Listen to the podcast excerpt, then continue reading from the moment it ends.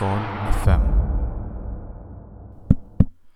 Taigi, sveiki, sveiki, labas vakaras, mėlyjei Sol FM klausytojai. Vėl Paulius sugrįžta pas jūs ir turiu labai gražią žinią jums. Jau netoli kūčias, jau rytoj jau galim bus, galima bus uh, švesti, švesti visų lauktą šventes. Nu, tikiuosi visų lauktą šventes. Nežinau, jeigu esate vieni iš tų grinčių, kurie nenori švenčių, tai, na, ne, nesutiksiu su jumis. Šventės yra gražu.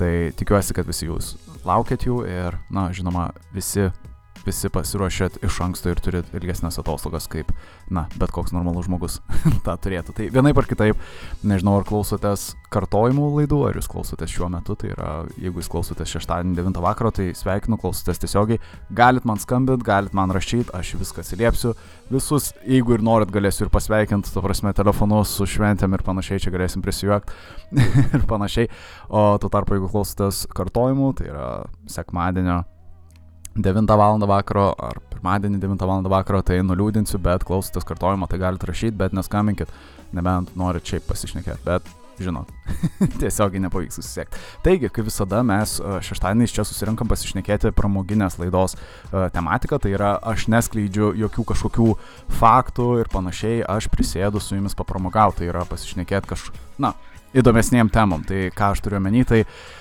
šnekam apie samokslo teorijas, žinokit, ir šnekam apie keistas ir neskleistas istorijas. Ir nežinau, ar sekėt mus, uh, mūsų socialinėse medijose ar ne, bet uh, tikriausiai matėt, kaip visada, mūsų savaitinės mislės. Ir šios savaitės mislė buvo, na, kad šeštadienį kalbėsim dviejas, dviejomis temomis, o tiksliau apie dvi, dvi asmenybės, galbūt sakykim. Ir e, pirmoji šios dailo, laidos, to prasme, dalyje mes šnekėsim apie vyrus juodais drabužiais. E, tiesiai šviesiai, aš jau taip sakau, tai vyrus juodais drabužiais. Tai mes nekalbėsim apie filmą ir mes nekalbėsim apie komiksus, kurie yra, kuriais paremt, paremtas yra tas filmas, ne. Mes kalbėsim apie konkrečias istorijas ir iš kur atsirado šitas terminas, tai prasme, vyrai juodais drabužiais. Ir e, vėliau, antroji laidos dalyje, kalbėsim apie, apie žmogų su geležinė kaukė. Ir ne, mes vėlgi nekalbėsim apie filmą, nes tikriausiai kai kurie matėt tą filmą su be, berots žinomu aktoriu, Leonardo DiCaprio, bet e, ne, mes nežiūrėsim, ne, neperžiūrėsim to filmo ir aš nepasakosiu savo nuomonės apie tą filmą, ne, mes kalbėsim apie tikrąją istoriją ir apie samokslo teorijas susijusias su šia istorija. Tai tikiuosi, kad visiems tai patinka tokio, tokio pabudžio temos, kad šiandien esat pasiruošę šiek tiek papramogauti ir, na, žinoma, nežinau, tikiuosi paliksiu gerą įspūdį, nežinau, kad, žinot, kažkiek turėtumėt to noro, to prasme, ieškoti tos tiesos, nes kaip ir sakau, čia nors ir pramoginė laida, aš nebandau kažko pateikti kaip faktų ir panašiai, bet iš esmės bandau, bandau sudominti galbūt tą klausytoją, na, ieškoti kažkokių atsakymų, galbūt kurių net nėra ir panašiai, ir na, šiek tiek tą vaizduotę palavinti ir panašiai. Nes iš ties, pripažinkim, dursime, gyventi ir, gyventi ir dirbti yra tiesiog nuobodu, reikia kartais išgirsti kažkokių įdomesnių, e, labiau mislingesnių istorijų ir panašiai. E, taigi dabar, e, kaip ir prasidėjo jau ir pirmoji dalis, jau galima sakyti, mūsų laidos. Ir nenoriu aš jūsų per daug ilgai gaišinti, nežinau ar klausotės ar ne, bet vėlgi žinot šventės, tai tikriausiai esate labai užsiemę žmonės, tai pasistengsiu per ilgai jūsų neužimti. Tai pradėkim nuo pirmosios dalies, tai kalbėsim apie vyrus juodais drabužiais ir žmonės, ką jūs žinot apie vyrus juodais drabužiais, ar suprantat apskritai, apie ką aš čia šnekėsiu. Ir ne, aš kaip ir minėjau, nekalbėsim apie, apie filmus, nemažai buvo filmų sukurta, jie tokie daugiau komiški, e, satyriški galbūt filmai, tie vyrai juodais drabužiais, bet ne, mes ne apie juos šnekėsim ir mes nešnekėsim apie tos komiksus, e, kuriais, kurių pagrindų buvo sukurtas tas, tas filmas, tie filmai tiksliau. Mes kalbėsim apie, apie konkrečiai tą samokslo teoriją ir tas, tą visą E, mitologiją, gal net sakyčiau, tą visą legendą, mitologiją e, supančią šitą, šitą terminą vyrus juodais drabužiais. Ir ne, vėlgi, mes nešnekėsim apie tiesiog žmonės, kurie rengiasi kostiumais. Ne, mes nekalbėsim apie laidotuvės ar kažką panašaus, mes kalbėsim apie pačią istoriją ir patį samokslo, teo, na, samokslą galbūt sakykime ir panašiai. Ne, galbūt žinot, mūsų aukštuomenė, mūsų elitas ir mūsų, mūsų nežinau, vyriausybės visos bando paslėpti kokią nors slaptą didelę paslaptį nuo mūsų visų ir jie, na, mūsų valdžia siekia tą paslėpti per tokius žmonės, kuriuos mes vadinam vyrais juodais drabužiais, kurie mus gazdina, kurie mus siekia, na, atstumti nuo tos tiesos ar, ar bandyti užčiaupti mus, užsime taip ūkiškai tariant, užčiaupti, kad mes nekalbėtumėm tos tiesos, kurią galimai žinom. Uh, taigi, taip, paliesim, paliesim NSO fenomeną, tai iš esmės net pažintus skraidančius objektus, ką mes šnekėsim apie tai, tai uh, konkrečiai vyrai juodais drabužiais uh, pasirodo pas žmonės, kurie pamato NSO arba kurie, kurie mėgsta kalbėti ir dažnai, na, domėtis šią temą NSO. Tai jeigu mėgstat skraidančias lėkštes ir apie jas dažnai skaitot ir panašiai, tai turiu jums blogą žinią, taip pat turiu blogą ir žinią savo, galimai vyrai juodais drabužiais gali pasirodyti pas jūs namuose. Tai žmonės, nežinau, vėlgi šventės, tikiuosi per šventės nesulauksiu tokių svečių, Bet, uh, nežinau, šiek tiek toks nerimas paėmė, nes, žinot, aš, aš vienas iš tų žmonių, kuris iš ties mėgsta šitą temą, visus tos skraidančias lėkštes, kaip žinot, šioje radio stotyje mes apie jas kalbėjom jau ne vieną kartą, turbūt ne vieną savaitgalį užėmiau jūsų ausis su visom tom skraidančiom lėkštėm. Tai uh, na, jeigu vyrai juodais drabužiais nori kažką užčiaupti, tai nenustepkite, jeigu staiga vieną dieną aš pradėsiu sakyti, kad atsiemu visus žodžius, e, vyrų juodais drabužiais nėra, NSO yra mėšlas, skraidančios lėkštės neegzistuoja. Jeigu taip atsitiks, tai iškart pranešu, kad reiškia, kad mane pagavo, kad mane užčiaupė. E, taigi, pradėkim pačią istoriją, va, nusėmiau kaip ir laikrodį. Ir taigi, e, patys vyrai juodais drabužiais pradėjo kaip ir reikštis apskritai kaip tas fenomenas ir panašiai, tai kaip na, galima sakyti, nuo 20-ojo amžiaus vidurio. Tai konkrečiai nuo tada, kada jau prasidėjo visi tie uh, pamatymai tų skraidančių lėkščių, net pažintų skraidančių objektų ir panašiai. Tai čia mes kalbam apie 1947 metus, mes kalbam apie Roswellą, mes galbūt kalbam apie ir ankstesnį, uh, ankstesnį pamatymą, tai, tarsi, ankstesnį tą tokį pastebėjimą tokių dalykų, tai kalbam apie tą žymųjį uh, Keneto Arnoldo uh, tą pastebėjimą uh, kalnų, uh, kalnuose berots, jeigu aš uh, nemeluosiu jums, tai Rainiero kalnuose buvo pastebėjęs devynis e, skraidančius objektus bronzos ar, ar sidabro, tokio daugmaž e, atspalvio, to prasme, skraidančius objektus virš tų kalnų. Ir jisai stebėjo, kaip jie sklando ir dideliu greičiu, to prasme, pradėjo judėti ir panašiai. Tai čia buvo vieni iš pirmųjų tokie, tokie sakykime, susitikimai su NSO.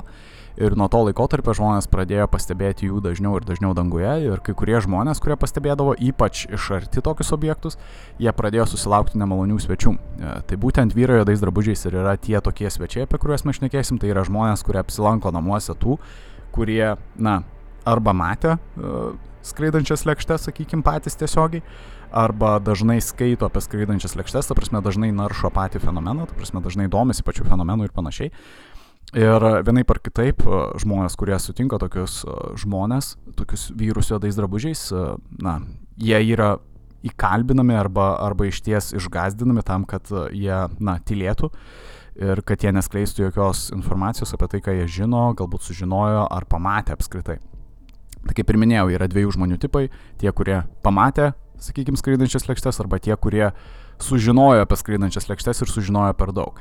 Ir abiejų tipų žmonės gauna apsilankimus iš tų vyrų juodais drabužiais. Žinoma, skamba jokingai, skamba kaip kokia pasaka, bet vėlgi yra kelios istorijos, kurios galbūt šiek tiek jūs sudomins. Su prasme, aš atrinkau šiek tiek istorijų, kurios, na, realiai yra garsiausios istorijos apie vyrus juodais drabužiais. Uh, iškart prisipažinsiu, kad pačių vyrų juodais drabužiais, na, tokių nuotraukų, kaip jie atrodo konkrečiai ir panašiai nėra. Dažniausiai yra tokios, na, žinot, paprastai žmogus apsirengęs kostiumu, tai, na, vyras juodais drabužiais, skamba, skamba ir taip, bet tų žmonių, kurie būtent gazdina, taip, tie tokie agentai, kurie prisistato save kaip apsauga arba kaip, na, kažkokie žmonės iš, kažkur, iš kažkokio skyriaus, sakykime, iš vyriausybės kažkokio departamento ir panašiai. Būtent tų žmonių nuotraukų, identifika, identifikacijos kažkokios niekas nežino, prasme, nei jų vardų, nei pavardžių, nieko. Prasme, iš esmės tai yra kažkokie žmonės, kurie galimai yra pasamdomi tam, kad, na, pakankamai gerai išgazdinti tuos galimus liudytojus apie fenomeną. Tai nežinau, e, tikiuosi nesat nei vienas iš jūsų, tu prasme, matę kažko keisto danguje, nes jeigu esat, tai kaip ir minėjau, jūsų šventės gali sugadinti būtent jie. Nežinau, gal net jau ir esat sutikę virusą tais drabužiais. Nebijokit, paskambinkit, dabar galėsim pašnekėti apie jūsų pamatytus, tavas, bet sutiktus svečius, žinot, pasijuokti irgi bus įdomu. Bet šiaip aš, aš spėju, kad tai neturėjo būti labai jokinga tiem, kurie, jeigu tai iš tikrųjų patyrė, nes e, šiandien, kaip ir minėjau, aptarsim keletą istorijų e, apie įvykius, kurie galimai sukrėtė tų liudytojų, na, tų žmonių, kurie liudijo apie tos e, įvykius, ta prasme, jų psich, psichika, ta prasme, sukrėtė iš esmės. Tie žmonės, žmonės labai buvo išgazinti ir iš esmės jie pasakoja tas istorijas su tokiu, na, dideliu kraupu, galima sakyti. Taigi pradėkime nuo pat pradžių. Viena iš pirmųjų istorijų, kokią man pavyko, viena iš anksčiausių istorijų, kurią man pavyko rasti apie vyrus juodais drabužiais, tai ateina iš Maurio salos incidento. Tai nežinau, ar esat girdėję ar ne, bet vėlgi pa, pats incidentas įvyko 1947-aisiais. Vėlgi, tais metais, kaip ir minėjau, įvyko daugybė įvykių susijusių su NSO. Realiai prasidėjo visas tas skraidančių lėkščių bumas, kaip ir minėjau, Rusbe, Ro, Rosvelas, tas kalny, kalnynuose, Rainiero kal, kalnuose, apskritai Keneto Arnoldo, to piloto pastebėti devyni skraidantis objektai irgi uh, ir panašiai. Užsienio iš ties daug įvykių. Tai E, Mauro salos incidentas vėlgi buvo incidentas, kurį patyrė, galima sakyti, žvėjys su savo sunumi ir su savo šuniu, kuris net žuvo dėl to incidento. Tai čia yra išties keistas dalykas, prasme keistas incidentas. E, kas atsitiko, tai iš esmės tas žvėjys papasakojo, kad jis, na, vieną, vieną birželio mėnesio dieną paprasčiausiai plaukiojo laivu kaip ir minėjau, 1947-aisiais ir jis taiga pastebėjo šešis, šešis spurgos, to prasme, atrodančius kaip spurgas, bent jau jisai taip pavadino, to prasme, tos NSO, kurias matė. Tai šešis tokius objektus pamatė danguje ir vienas iš objektų subirėjo, to prasme, jo, jo pasakymu jisai na, sudužo ar kažkas panašaus ir jisai pradėjo kristi vandenį, ne, visai netoli jo paties ir bekrisdamas į vandenį jisai ne, tas du, dušnantis, ta prasme, NSO jisai pradėjo uh, nuo savęs leisti kažkokias keistas, na, šiukšlės, kažkas panašaus lyg, lyg į uh, laikraščius ar kažką panašaus, bent jau jisai taip nurodė. Uh, ir bent jau tas, tas žvėjys, ta prasme, apie kurį mes šnekam, tai čia uh, tik jo vardą pavardę pasakysiu, Haroldas Dalas, uh, tikiuosi tinkamai ištariu, jisai iš esmės uh, tu prasme, pradėjo matyti, kad e, iš to objekto ne tik, kad kažkas panašaus į laikraščius e, krenta, bet kartu ir tokie, na, tokios kaip ir nuolaužos, kurios degė ir, na, atrodė vos ne kaip lava e, ir pradėjo kristant jo laivo, pradėjo, na, Tu prasme, daugybę žalos pridarė, vos, ne, vos nepaskandino jo laivo, ištie, užmušė jo pačio šunį, bent jau jisai taip sako. Ir, na, iš ties, iš ties kraupus vaizdinys, ką jisai pamatė ir jisai šiaip netaip išgyvenęs tą įvykį. Jisai po savaitės, ar kiek jisai vėlgi sulaukė, sulaukė nemalonių svečių. Vėlgi, ką aš priminsiu, tai jisai padarė kelia, kelias nuotraukas, ta prasme, viso įvykio, nes vėlgi jisai, visą tai truko ganėtinai ilgai. Tai jisai kol stebėjo, jisai spėjo nufotografuoti, prasme, tuos dalykus. E, net ir, ta prasme, išlipęs iš, iš savo valtės ar, ar laivo, berots, man atrodo, jis jau turėjo tokį kaip ir didesnį laivą, tokį žvejybinį labiau laivą. E, jisai išlipęs spėjo nufotografuoti, e, ta prasme, kelias nuotraukas padaryti. Vėlgi, jam po savaitės pasipasibeldžia žmogus, apsirengęs visiškai juodai ir e, jam paprasčiausiai liepia apie tai nešnekėti. Jis jo paklausė visų pirma, ką jisai matė, jisai vėlgi, e, Haroldas yra labai atviras žmogus, jisai nusprendžia viską išklot, e, jisai viską papasakoja, vėlgi tas, tas žmogus, tas svečias, kuris pas jį apsilanko, tiesiog jam paprasčiausiai liepia tylėti ir e, kartu paprašo jam parodyti e, nuotraukas, kurias padarė. Ir jisai turėjo negatyvus. E, jisai dar nebuvo pasidaręs nuotraukų. Ir, na, tas vyras apsirengęs juodai, jisai paprasčiausiai paėmė tuos negatyvus ir juos, kaip čia pasakyti, norėjau pasakyti, aprūkino.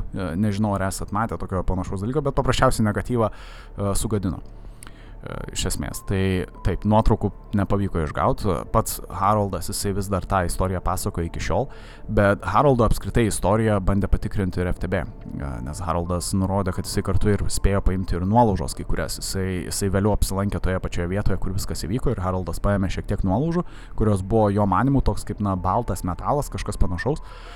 Ir jo, jo pasakymus bandė, e, bandė realiai realiai patikrinti FTB ir FTB nustatė, kad, na, realiai Haroldas meluoja, kad Haroldas tikriausiai teikia, na, melagingą informaciją ir jisai, na, jisai tiesiog prisigalvoja nesąmonę. Bet iškyla klausimas, kam Haroldui meluot, tiesiog paprasčiam žvėjui, kam jam reikėjo kažkokio populiarumo ir panašiai. Ir vėlgi primenu tik tais, kad tie 47 metai buvo kažkodėl labai svarbus, nes jais pradėjo žmonės vis dažniau ir dažniau matyti tuos visus uh, E, reiškinius danguje, suprantat. Tai nežinau, ar jisai iš ties norėjo tiesiog tapti vienas iš tų, na, antraščių laikraštyje, aš nelabai suprantu, ką Haroldas siekia padaryti su to, savo tą istoriją. Gal jisai iš ties tą matė ir gal jį prigazino, kad jisai tylėtų, nes vėliau Haroldas ką pasakė, tai kad iš jo buvo atimtos ir visos nuolaužos, viskas, ir realiai jam buvo liepta tylėti, antraip kiti žmonės paprasčiausiai juo netikės. Ir na, savame suprantama, niekas tavim netikės, jeigu tu pradėsi pasakoti tokią keistą istoriją, kaip, na, matyti tokie reiškiniai ir panašiai. Prasme, danguje visi galvos, kad tu išprotėjai, ta prasme, ar, ar tu gal prisigėrėjai ko nors. Ta prasme, žmonės tiesiog paprasčiausiai tavim netikės. Tai vėlgi FTB prezimavo, kad jisai meluoja Haroldas ir Haroldas tiesiog nurodė, kad jam buvo liepta, na, iki jo gyvenimo galo realiai kalbėti taip, kad, na, visa tai, ką jis matė, yra netiesa ir kad jisai paprasčiausiai melavo. Tai čia tokia pirmoji, viena iš pirmųjų galbūt istorijų apie vyrus juodais drabužiais. Uh, dabar vėlgi, kalbant apie tai, ar buvo pastebėti tie vyrai juodais drabužiais, tai mes pereisim prie antrosios, antrosios mūsų istorijos. Tai čia turbūt viena iš pirmųjų nuotraukų tų vyrų juodais drabužiais, kas yra ganėtinai keista.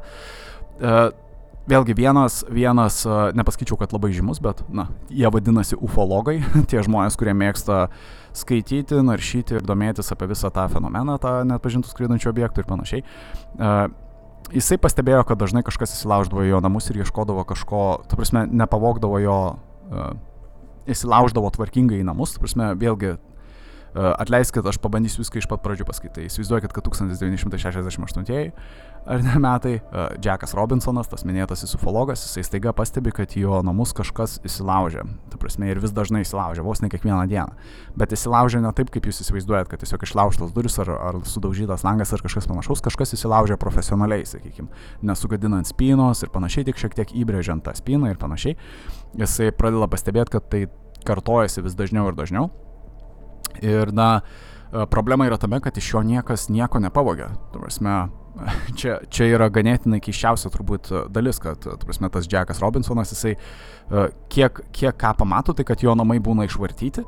Ta prasme, jo, jo visa, na, jo tas stalas, kuriame jisai susideda dažniausiai failus susijusius su, na, skraidinčiom lėkštėm, įvairių, įvairūs pasakojimai ir panašiai, vis, visa tai, ką jisai archivuoja ir panašiai yra dažniausiai išvartoma, e, išmėtoma ir panašiai, ir lyg kažkas kažko ieško.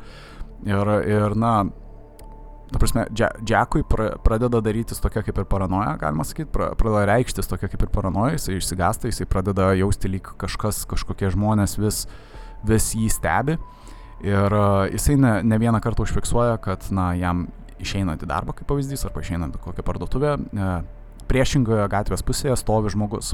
Stovi vienas žmogus, na, apsivilkęs juodais drabužiais. Uh, jisai, na, iš ties sunerimsta, nes jis vis mato tą patį žmogų stovintį priešais, na, kitoje pusėje, ta prasme, priešais, priešais jo gatvę.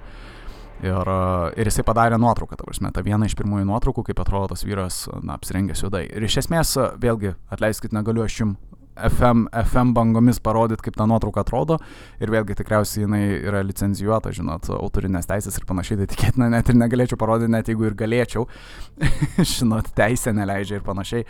Bet uh, ta nuotrauka, mano nuomonė, nėra labai išties ypatinga. Jinai atrodo kaip tiesiog eilinis žmogus iš 68 metų, kuris būtų apsirengęs, na, lyg darbininkas, nežinau, lik ofiso klerkas, tas vadinamasis, žinot, ūkiškai tariant. Tiesiog su, su paprastu kostiumu apsirengęs žmogelis, na, su paltu stovi, stovi, tu prasme, priešais, na, kitoje, kitoje gatvės pusėje, atsirėmęs, atsirėmęs, tu prasme, į pastatą. Tai iš esmės kažkokia ypatinga nuotrauka, net nežinau, čia galbūt buvo netikra ta nuotrauka, aš nežinau, aš negaliu paliudyti, patvirtinti ir panašiai, bet iš esmės jinai man sudarė kažkokį įspūdį, kaip kažkas baisaus ar keisto. Iš ties, iš ties manau, kad informacijos apie tai, kaip jie atrodo ir panašiai tos konkrečios vaizdo medžiagos ar, ar, ar nuotraukų ar panašiai, ap, na, susijusios su vyrais su tais drabužiais paprasčiausiai nėra. Tai va tas ir yra keista. Taigi, nepaisant viso to, judam prie sekančios istorijos ir čia jau bus šiek tiek, na, jau tokia galbūt keistesnė istorija, galbūt labiau baimės įvaranti istorija, nežinau, tikiuosi, tikiuosi esat pasiruošę. Bet dar vienas, sakykime, ufologas, dar vienas žmogus, kuris mėgsta skaityti, dažnai, dažnai na, naršyti įvairią, įvai, įvairias istorijas apie patį fenomeną, tikėtina, kad sužino kažko per daug. Ir čia mes kalbam apie vieną tokį daktarą Herbertą Hopkinsą.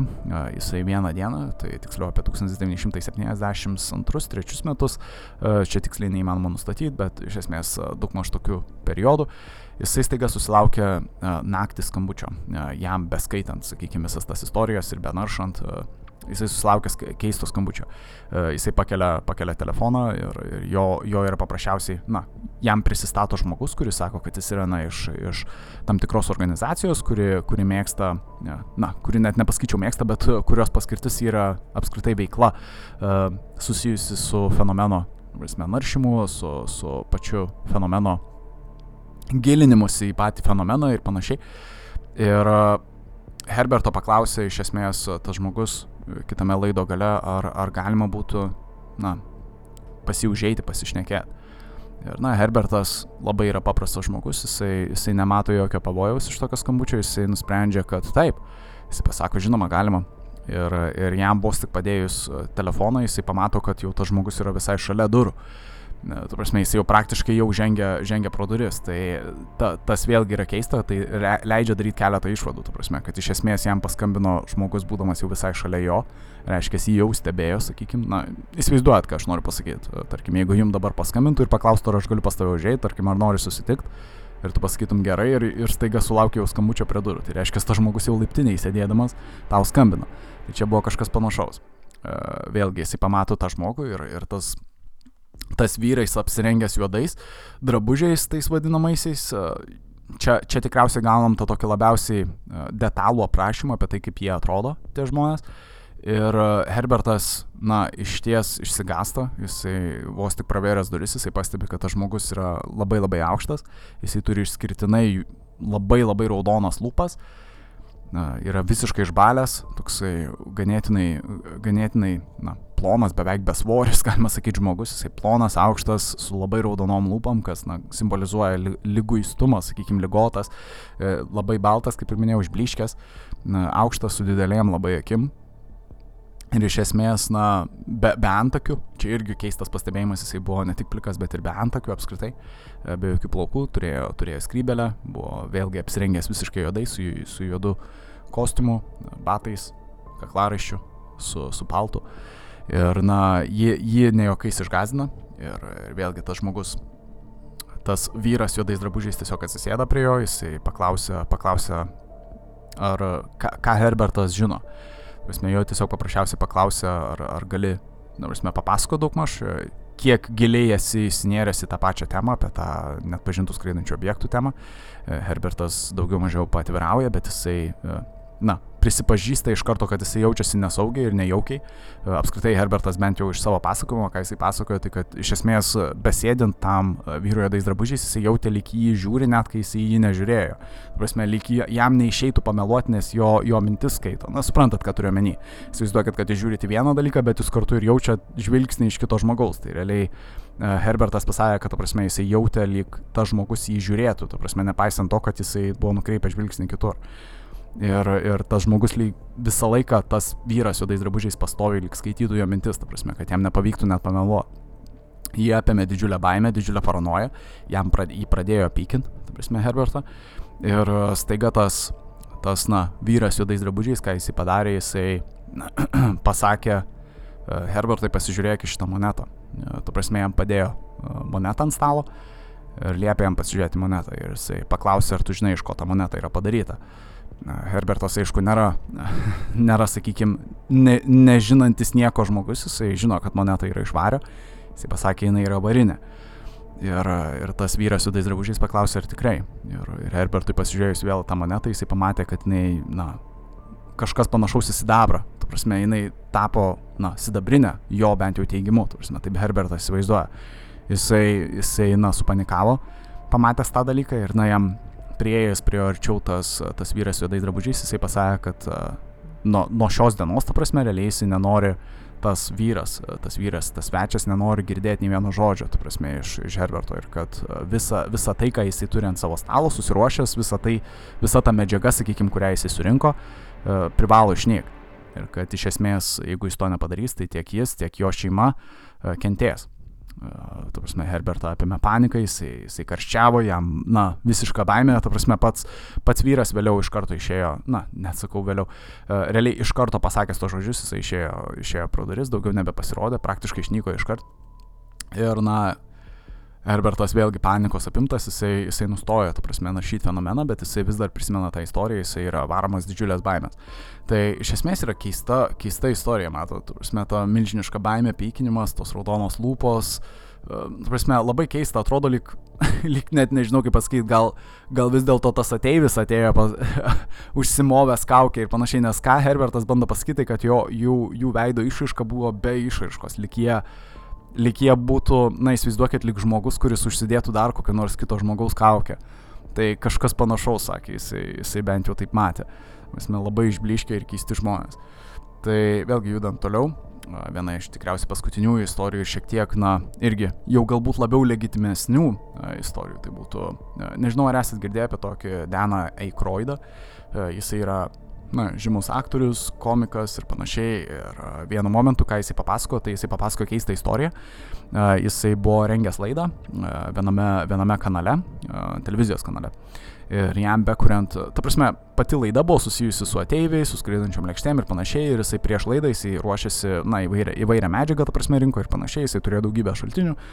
Ir jam beruošiant tą medžiagą, ta prasme, jau realiai kelios dienos prieš, jisai prisimena, kad jisai išėjo į lauką ir jisai pastebėjo keletą keletą keistų reiškinių. Tai yra, jisai, jisai pradėjo pastebėti, kad jį vis seka viena juoda, juoda mašina, automobilis tiksliau, e, iš kurio, iš kurio vienu momentu buvo išlipęs ir, ir vienas vyras juodais drabužiais. Ir jisai, ir jisai jį žiūrėjo su, su tokia, na, išbliškusią piktamina ir jisai nors ir nekalbėjo su to vyru, bet jisai jį matė kelis kartus, kaip ir tą mašiną nes vėlgi pats Denas jisai kelis kartus na, keliavo iš vienos vietos į kitą, sakykim, tai į kavinę užeidavo, tai grįždavo namo ir panašiai, ir jisai yra tikras, bent jau kaip jisai pasakojo, kad jisai matė tą mašiną visus, na, tą pačią mašiną matė visose tose vietose, tai yra, kad jisai supranta, kad jį tikriausiai persekiojo tą mašiną, tas automobilis, prasme, ir lygiai taip pat ir tas, tas į agentą panašus žmogus, tas vyras juodais drabužiais įpersikio.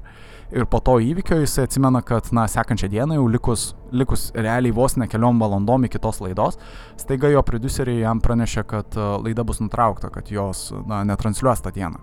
Kad viskas, Denui nereikia rašyti scenarijaus, realiai Denui nereikia ruoštis tam. Tai jisai iš ties nustebo, jisai nelabai suprato dėl ko, e, produceriai jam netviravo dėl ko, paprasčiausiai pasakė, kad viskas, na, jau nebereikia vargti. Denas iki šiol tą atsimena kaip labai keistą įvykį, to prasme, jisai nebuvo apimtas baimės ar kažkokios paranojos ir panašiai, jam konkrečiai nereikėjo šnekėti su pačiais tais vyrais, su tais drabužiais, bet jisai atsimena, kad tokius žmonės jisai matė ir po, po jų pamatymo realiai prasidėjo tie keisti įvykiai, tai kad na, jo, jo laida buvo realiai atšaukta. Tai čia iš ties yra keistas dar vienas įvykis, matot. Ir uh, Vėlgi, nežinau, ar jums kažkiek tai pakeitė jūsų nuomonė ar ne, bet tie vyrai tais drabužiai, žinokit, vaidenasi dažnai ir visur, kaip ir panašiai, kaip ir uh, tie, tie vadinamieji, ta prasme, miražo žmonės, apie kuriuos mes jau šnekėjom anksčiau. Uh, vyrai juodais drabužiais gal daugiau turi tos mitologijos supančios aplink save, ta prasme, to, to keist, tos daugiau keistenybės ir panašiai. Uh, kai tuo tarpu mes turim e, miražo žmonės, kurie iš ties yra žmonės, kuriuos mes žinom, kad e, vyriausybė iš ties samdo tam, kad jie skleistų dezinformaciją ir iš esmės, na taip kažkaip tariant, kvailintų liaudį ir panašiai. Ir gal net ir turėtų, na, didesnių padarinių žmo, žmogui ir psichikai, sakykim. Jau, jau vėlgi čia buvo praėjusių savaičių tematika, bet taip. Kažkas panašaus vyrai juodais drabužiais yra kažkas panašaus, bet jie yra daugiau tokie jie nėra miražo žmonės, sakykime, jie yra daugiau žmonės, kurie, kurie bando, bando nutildyti tuos liudytojus, tai yra tuos, kurie matė ir lygiai taip pat tuos, kurie ieško tos tiesos. Tai nežinau, jeigu jūs esat taip kaip ir aš ieškantys tiesos, tai nepykit, bet tikriausiai teks susitikti su juodais drabužiais apsivilkusiais vyrais, kurie nebus labai nusiteikę humorui, ar juodam, ar ne juodam, sakykim, tai nežinau, būkite pasiruošę tam. Čia iš ties, ar juokinga ar ne, bet tikiuosi, na, tikiuosi ne, neteks man prisijungti vieną dieną prie, prie šeštadienio laidos ir, ir jūs visus nuvilti, sakant, na, visus nuvilti pasakant, kad, na, nuo šiol nekalbėsim šitomis temomis ir panašiai. Žinot, ką turėjome. Tai, tai taip. E, iš ties čia tokia keista istorija, bet vėlgi, užbaigiant tą, e, nepamirškim dar vienos svarbios galbūt istorijos, kuri šiek tiek supa ir vyrus juodais drabužiais. Nežinau, ar esat girdėję apie tokį dalyką kaip Fenikso šviesos. E, Fenikso šviesos, na, iš ties yra labai garsus reiškinys, e, įvykęs dar 1997 metais. Jisai įvyko uh, keliose valstijose, Junktinių Amerikos valstijų, tai Nevadoj ir Arizonai berots. Tai prasidėjo nuo Nevados ir užsibaigė Arizonai, tai Fenikso tose kalnuose vadinamuose. Kodėl jos vadinasi Fenikso šviesos, tai tikėtina dėl tų kalnų, bet ką tai reiškia tos Fenikso šviesos? Tai buvo penkių šviesų junginys, kuris bent jau liudytojų parodymais, e, liudytojų pasakojimais, tai nebuvo tiesiog junginys šviesų, bet tai buvo vienas didžiulis laivas, kuris lietai po truputį ir iš, na, ganėtinai žemai ir lietai ir tyliai uh, keliavo per tas valstijas, net keletą valandų, ta prasme, keliavo tamsiu dangumi ir net uždengia, to prasme, žvaigždės žmonėm be, bestebint tą gedrą dangų, to prasme, matant tas žvaigždės, tai tas, tas laivas buvo išties milžiniškas, jisai net sugebėjo uždengti žvaigždės, to prasme, jisai lietai ir tyliai skrido, tai realiai net sklandė. Tai čia išties, išties buvo keistas reiškinys tos e, Fenikso šviesos. E, kai kurie mano, kad e, Fenikso šviesos buvo tiesiog, na, tokios kaip ir uh, tos vadin, tie vadinamieji tokie pusiau kaip fejerverkai, kažkas panašaus, kar, karinė technika ir panašiai, bet tai, ką žmonės matė, bent jau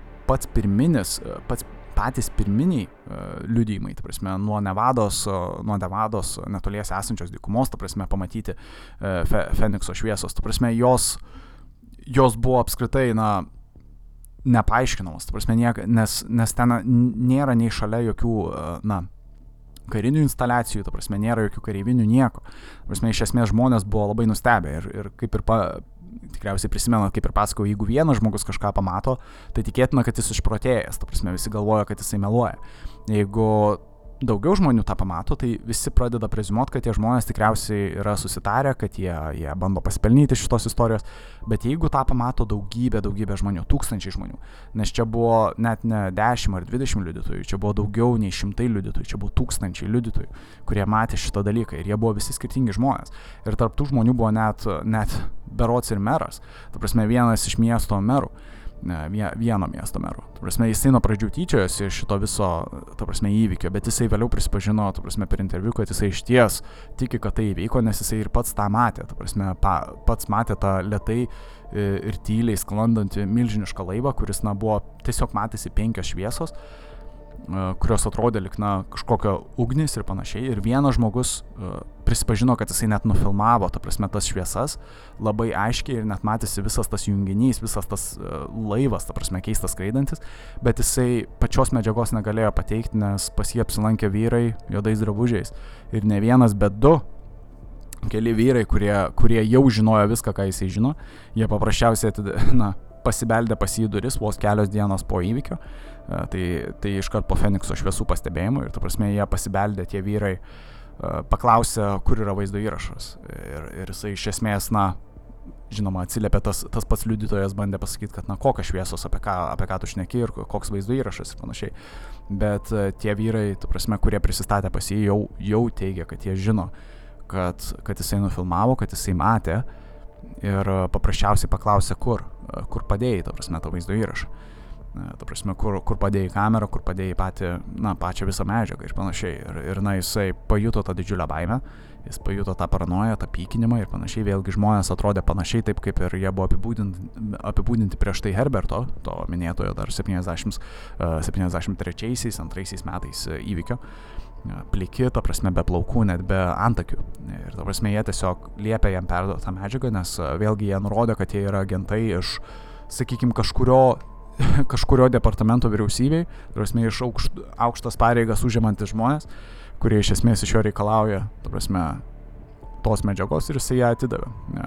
Na, realiai ta medžiaga buvo konfiskuota iš jo ir niekada negražinta, žinoma. Tai čia yra šiek tiek vėlgi gaubanti, gaubanti mistika patį fenomeną. Dažnai žmonės ir sako, čia toks toks dalykas, kuris dažnai apsaugo patį fenomeną dėl tų legendų ir panašiai. Žinot, kad dažnai žmonės sako, aš turiu įrodymus, bet aš jų negaliu pateikti, nes jos konfiskavo. Tai visi ir pradeda tyčiotis, kad, na, žinot, čia labai, labai geras pasiteisinimas, kodėl nieko nenori pateikti ir, ta prasme, kodėl nori apgauti. Prasme, nes, ai, čia vėl vyrai juodais drabužiais ir ne vėl miražo žmonės, vėl, vėl panašios mėšlo istorijos ir panašiai.